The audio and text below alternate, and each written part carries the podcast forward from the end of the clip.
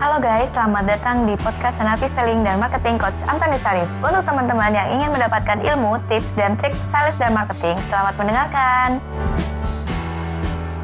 Halo sahabat sales, kali ini kita akan membahas mengenai gimana sih uh, seorang sales itu sudah menjual uh, dia gitu ya, tapi kayaknya belum closing-closing juga. Sementara mungkin ada sales lain yang kayaknya oke banget gitu ya, mungkin uh, dia nggak perlu sampai dapat yang menjual, tapi dia closing terus. Nah, kita akan membahas kali ini ya sahabat sales di uh, channel uh, YouTube Coach Antonius Arif bersama saya Anani Lani. Yuk kita bahas ya. Nah, kali ini uh, bersama saya sudah ada Coach Antonius Arif. Halo. Halo, Coach. Halo. Ya. Apa kabar, Bu? Baik, Coach. Yes, kabarnya, Coach? Baik, Ya, baik, yes. wah, pakai baju Superman hari Yes, ini, yes, Coach, iya. Pencinta Superman Oh, karena pencinta uh, kalau sales kan adalah super sales ya. Iya. Oke, terus hari ini kita mau bahas nih ada yang uh, Gimana? sales yang kelihatannya sudah jualan uh, mati-matian jualan, tapi kok belum closing closing. Sementara mungkin ada sales lain yang kelihatannya kayak hoki ya. Repot-repot capek-capek tuh kayaknya dia bisa aja closing. Nah itu uh, gimana ya coach kita membahas? Nah, ini menarik nih, menarik nih. Ini kan ada bicara hoki ya, bicara hoki. Jadi memang uh, ada beberapa penelitian. Saya suka banget dengan di dalam dunia penjualan. Saya lebih senang banyak beberapa hal yang berkaitan dengan ilmu psikologi sebenarnya, Hmm. ilmu psikologi manusia. Makanya juga saya kan license trainer NLP kan, karena memahami tentang psikologi manusia. Nah, yang paling menarik ya, ada beberapa cerita yang menarik. Kenapa ada orang yang selalu beruntung Hmm. dan ada orang yang tidak pernah beruntung Iya. dan bahkan pernah dibuat buku loh Wah, ada buku namanya Luck Factor gitu ya. Dan itu yang membuat buku salah satu profesor cuma saya lupa siapa nama profesornya itu dia pernah melakukan penelitian bahwa orang yang selalu berani mencoba hal baru dan orang yang selalu ramah dan menyenangkan itu adalah orang yang selalu beruntung.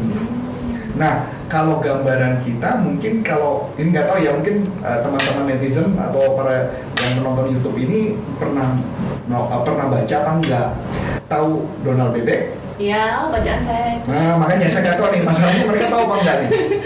Di Donald Bebek kan ada si Untung. Iya. Nah, si Untung itu kan orangnya selalu easy going Iya, ya, kalau mama santai aja. santai terus kok tiba-tiba nemu duit kalau lagi di nemu duit, jalan. betul nemu duit di jalan. Nah, sedangkan yang sosial adalah Donald. Donald, Donald sendiri Karena karena sepupuan ya. karena sepupuan. Don, karena Donald Pemarah. pemarah, Pemarah, marah-marah, menggerutu. Jengkel dan sebagainya. Dan ternyata itu saya nggak ngerti ya buku itu waktu diciptakan buku Donald Bebek itu apakah berkaitan dengan penelitian itu saya nggak tahu. Tapi menariknya dari beberapa penelitian menemukan bahwa itu benar bahwa orang yang menggerutu, orang yang kesel, orang yang marah, malah kayaknya keberuntungannya malah berkurang. Sedangkan orang yang selalu happy, selalu yang lebih senang, easy going, akan lebih gampang dapat dapat rezeki. Nah, ini berkaitan topik yang mau saya bahas gitu. Walaupun memang mungkin ada cerita tentang mental block bisa juga Bu. Jadi kayak contoh, ada orang punya mental block, dia kayaknya sales itu bukan pekerjaan yang menyenangkan gitu ya, atau dia bilang dia nggak meyakini produk yang bagus. Bisa aja saat jualan dia nggak closing bisa juga loh, itu bisa. Tapi kita nggak bahas seperti itu, walaupun nanti mungkin topik lain kita akan bahas itu ya. Nah, tetapi yang paling menarik yang saya mau bahas adalah mengenai eh, ada istilah yang disebut namanya halo effect. Hmm, apalagi Halo efek. Nah, ini menarik nih halo efek. Halo efek itu eh, pernah lihat nggak kalau di film-film, biasanya film luar negeri ya, kalau film film-film kita jarang nih. Katanya kan kalau orang-orang suci gitu ya, orang suci itu biasanya ada kayak lingkaran di atas Oh kepala. iya. Nah, itu disebut halo. Sin. Oh. Ya, sin atau halo, jadi atau malaikat pun ada lama gitu ya. Ini kan terjadi di agama-agama tertentu gitu ya. Nah, jadi ada kepercayaan orang yang tidak pakai lingkaran halo itu sama yang pakai halo itu efeknya ke dirinya beda. Hmm. Efek bedanya apa? Katanya orang tersebut begitu kita ngeliat ada satu pot patung dengan ada halo efek, kita ngeliat bahwa, wih, kok orang ini berarti orang suci. Orang ini orang baik. Jadi persepsi kita mengenai itu langsung berubah. Masuk akal kan? Ya walaupun memang ada salah satu film yang lagi ngetop kan apa? Nan Warrior. Oh iya. Nan Warrior kan juga gitu kan? Nah itu kan ada halo efek yang diambil buat Iya. buat ber, ber, ber, ber- ber- buat perang ya. Nah, nah ini yang mau saya kasih gambaran. Nah kebetulan ini saya bahas di Instagram saya Nah yang belum join Instagram saya, join ya di Instagram Gitu, saya. Dan itu ada tips ya. Itu Instagram saya adalah Antonius Arif ya. Jadi nanti sana banyak tips-tipsnya. Nah itu saya ada kupas. Jadi nanti saya sambil baca ya. Buana ya, izin ya saya baca ya. Jadi di Alo Effect itu, jadi ada penelitian di tahun 1920, makalahnya Edward Thorndike. Edward Thorndike dalam bukunya atau uh, makalahnya adalah A Constant Error in Psychological Ratings. Maksudnya gimana? Jadi pernah mereka melakukan penelitian, penelitian ada orang-orang, jadi ada dilakukan penelitian uh, mengenai orang-orang tertentu, orang yang mempunyai sifat tertentu, dan nanti efeknya apa. Nah ini yang menarik. Hasil penelitian mengatakan jika Anda menyukai satu aspek dari sesuatu atau menyukai aspek dari orang itu, maka Anda nggak tahu kenapa kita langsung positif sama orang itu. Contoh, tadi masih kan eh, siapa? Eh, Untung, Untung, iya. senyum. Nah, karena kita suka dengan senyumnya, maka yang terjadi apa? Dia langsung orang suka Iya, sama dia. suka sama. Nah, begitu juga jika Anda tidak menyukai satu aspek dari seseorang tertentu, maka cenderungan adalah kita menjadi langsung negatif kepada orang tersebut. Nah, yang pertanyaan menarik dong, bagaimana caranya supaya orang suka sama kita? Nah, yang pasti gambarannya adalah penelitian ini pernah dilakukan penelitian oleh Darren Brown. Jadi Darren Brown ini adalah pesulap, magician. Dia pernah melakukan penelitian dan dia seorang NLPers. Dia pernah melakukan penelitian mengenai jadi gini, ada dua kelompok wanita. Wanitanya kalau nggak salah empat atau lima orang wanita. Jadi ada satu pria rekaman di satu buah eh, eh, komputer gitu ya rekaman komputer dia rekaman em, dimasukkan satu buah data dan sebagainya dia memainkan dua peran jadi peran yang pertama adalah orang si A ini, peran yang pertama adalah ngomongnya dengan menggerutu, dengan kesel, marah-marah, mukanya jelek banget gitu. Jadi kayak misalnya ngomong gini, Halo, nama saya Arif. Saya single. Saya mau memperkenalkan diri. Mungkin siapa tahu dari Anda ada yang tertarik sama saya. Ngomongnya kayak gitu ya. Nah, tetapi ada satu lagi eh, orangnya sama, skripnya beda. Skripnya sama, cuma cara ngomongnya beda. Ini disebut namanya upbeat. Misalnya ngomong, Halo, nama saya Arif ya. Saya ini single. Siapa tahu mungkin ada yang tertarik sama saya. Nah, ternyata efeknya beda. Nah, ketika rekaman tersebut diberikan kepada dua, dua kelompok wanita, menariknya kelompok wanita yang pertama A yang melihat orang menggerutu dan tahu yang terjadi dari empat atau lima wanita itu sebagian besar tidak suka dengan pria itu dan mengatakan enggak saya nggak mau pacaran sama dia. Bahkan memberi kesempatan pun nggak mau. Tetapi lucunya di kelompok wanita yang lain eh, yang dia menyenangkan itu itu mau semua. Hanya ada satu wanita yang tidak mau. Nah dari gambaran ini ini menunjukkan bahwa efek dengan halo efek bahwa senyum semangat itu membuat orang orangnya akan tertarik sama dia. Nah itu yang disebut hal efek buana. Nah yang saya mau sharingkan di sini ada salah satu teknik yang sering saya ajarkan di teman-teman asuransi multi level atau door to door yaitu apa? Menaikkan alis mata.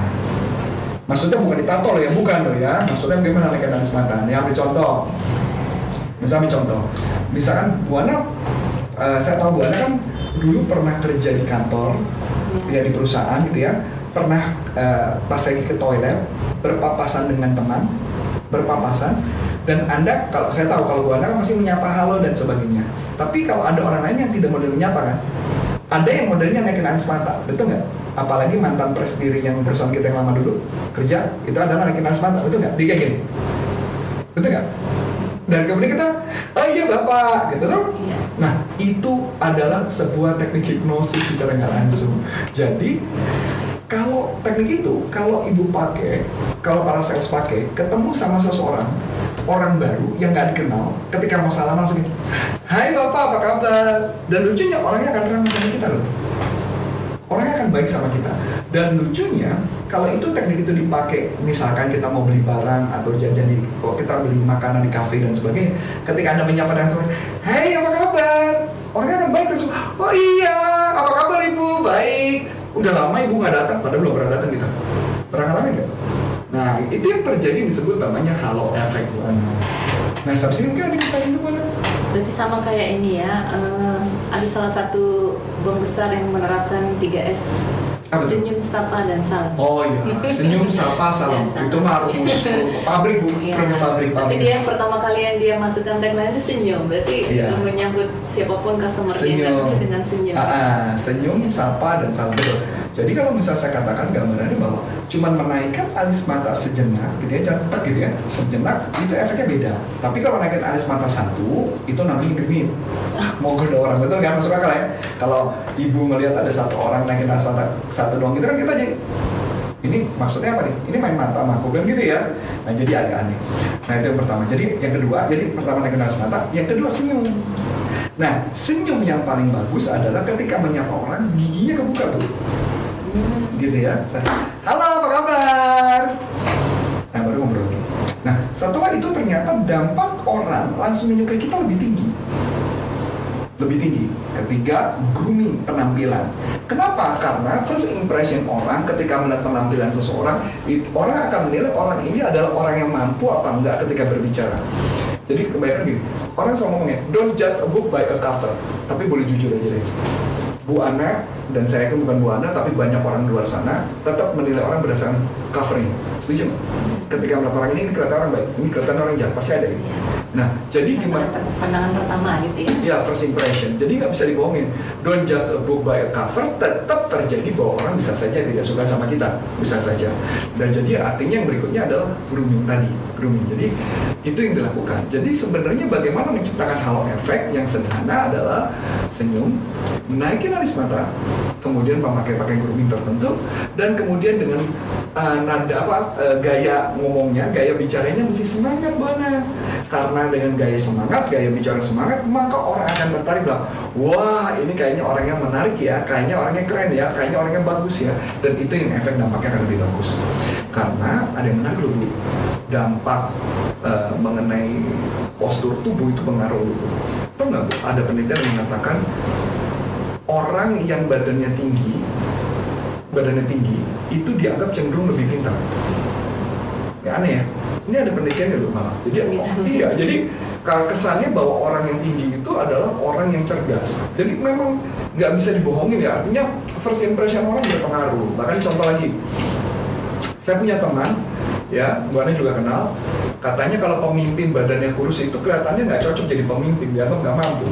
Ma- malah persepsi persepsinya dia adalah pemimpin yang bagus adalah pemimpin yang badannya gemuk. Wah, apa coba gitu. Mentang-mentang dia badannya gemuk gitu maksudnya. Membenarkan. Kebenaran. Ya kurang lebih gitu sih, Bu, mungkin gambarannya. Ini kos kan pernah ya kalau saya di jalan itu ada eh, kayak sales lah yang saya Hmm. promo turun-turun ke jalan Hmm. promosikan produknya. Halo Pak Bu gitu kan. Eh, selamat siang dia Hmm. dulu menyapa. Dia sudah senyum gitu kan. Dia juga sudah ekspresinya bagus. Terus pada saat menjelaskan boleh minta waktu sedikit. Tapi kalau saya lihat kayaknya orang-orang jarang ada yang mau mampir ya Nah. lewat-lewat aja gitu. Itu kita bahas sebenarnya topik berikutnya Bu Ana. Oh gitu ya. Karena di to- itu berkaitan dengan teknik menyapanya. Hmm. Kegagalan mereka adalah mereka tidak bisa memberikan attention atau teknik bagaimana membuat mereka menarik perhatian. Hmm. Ya enggak? Karena kalau kita bahas itu nanti topiknya kepanjangan orang malah nonton kan Iya, ya. iya. Jadi nanti tunggu aja. Mungkin topiknya mungkin di kali ini kita rekaman kita kurang lebih rekaman kurang lebih mungkin sekitar masih dua minggu lagi ya. Mungkin buat dua minggu lagi nanti topiknya akan kita. Ya kita tunggu aja sampai Ah. Itu dulu deh. Ya, Itu aja? Cukup ya, cukup. Oke. Oke, so uh, jangan lupa teman-teman ya, jangan lupa di like, share dan subscribe karena supaya uh, channel ini bisa bertumbuh dengan jauh lebih baik. Ya, saya Coach Antoni Sari dan mengucapkan banyak terima kasih sukses buat anda dan sampai jumpa dan salam performa. Bye bye. Nah, untuk teman-teman yang sudah menerangkan, terima kasih ya dan nantikan podcast selanjutnya.